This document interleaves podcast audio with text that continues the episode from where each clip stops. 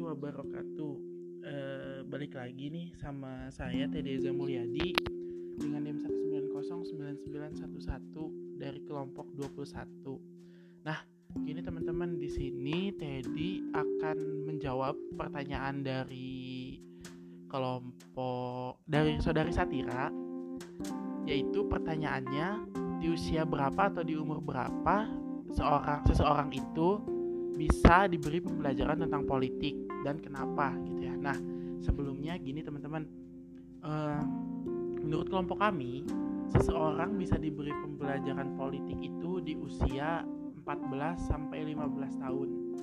Ya sekitar SMP lah teman-teman. Karena kenapa? Karena di usia di usia segitu seseorang sudah bisa membedakan mana yang baik dan mana yang buruk untuk dirinya seseorang pun sudah bisa menanggapi sebuah berita di mana berita itu asli atau palsu. Jadi, e, menurut kelompok kami, usia yang baik untuk seseorang diberi pembelajaran tentang politik itu di usia segitu, teman-teman.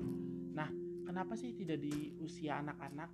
Nah, jadi gini teman-teman, di dalam pasal 15 Undang-Undang Dasar 1945, di sana dijelaskan tentang perlindungan anak. Nah, salah satunya ada perlindungan anak terhadap penyalahgunaan politik. Karena kenapa? Kenapa anak harus dilindungi dari penyalahgunaan politik?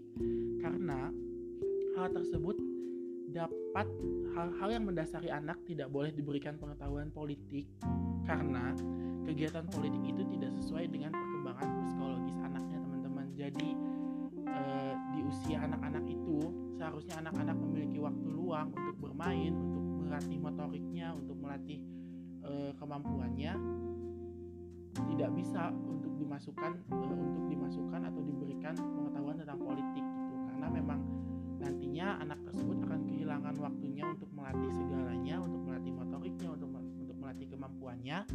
Sehingga uh, motorik dan kemampuannya ini nanti jika diberikan pengetahuan tentang politik akan uh, bercampur gitu teman-teman. Jadi tidak baik anak-anak di usia 7 sampai 13 tahun diberi pengetahuan tentang politik gitu teman-teman nah berbeda halnya dengan anak-anak di usia uh, 14 sampai 16 tahun teman-teman. Karena memang di usia segitu anak-anak SMP sudah mulai bisa membedakan mana yang baik dan mana yang buruk gitu teman-teman. Karena di usia segitu merupakan usia-usia remaja yang mana mereka sudah mulai sudah mulai pubertasi sudah mulai mengerti mana yang baik dan mana yang buruk untuk kehidupannya mana berita yang baik dan mana berita yang benar.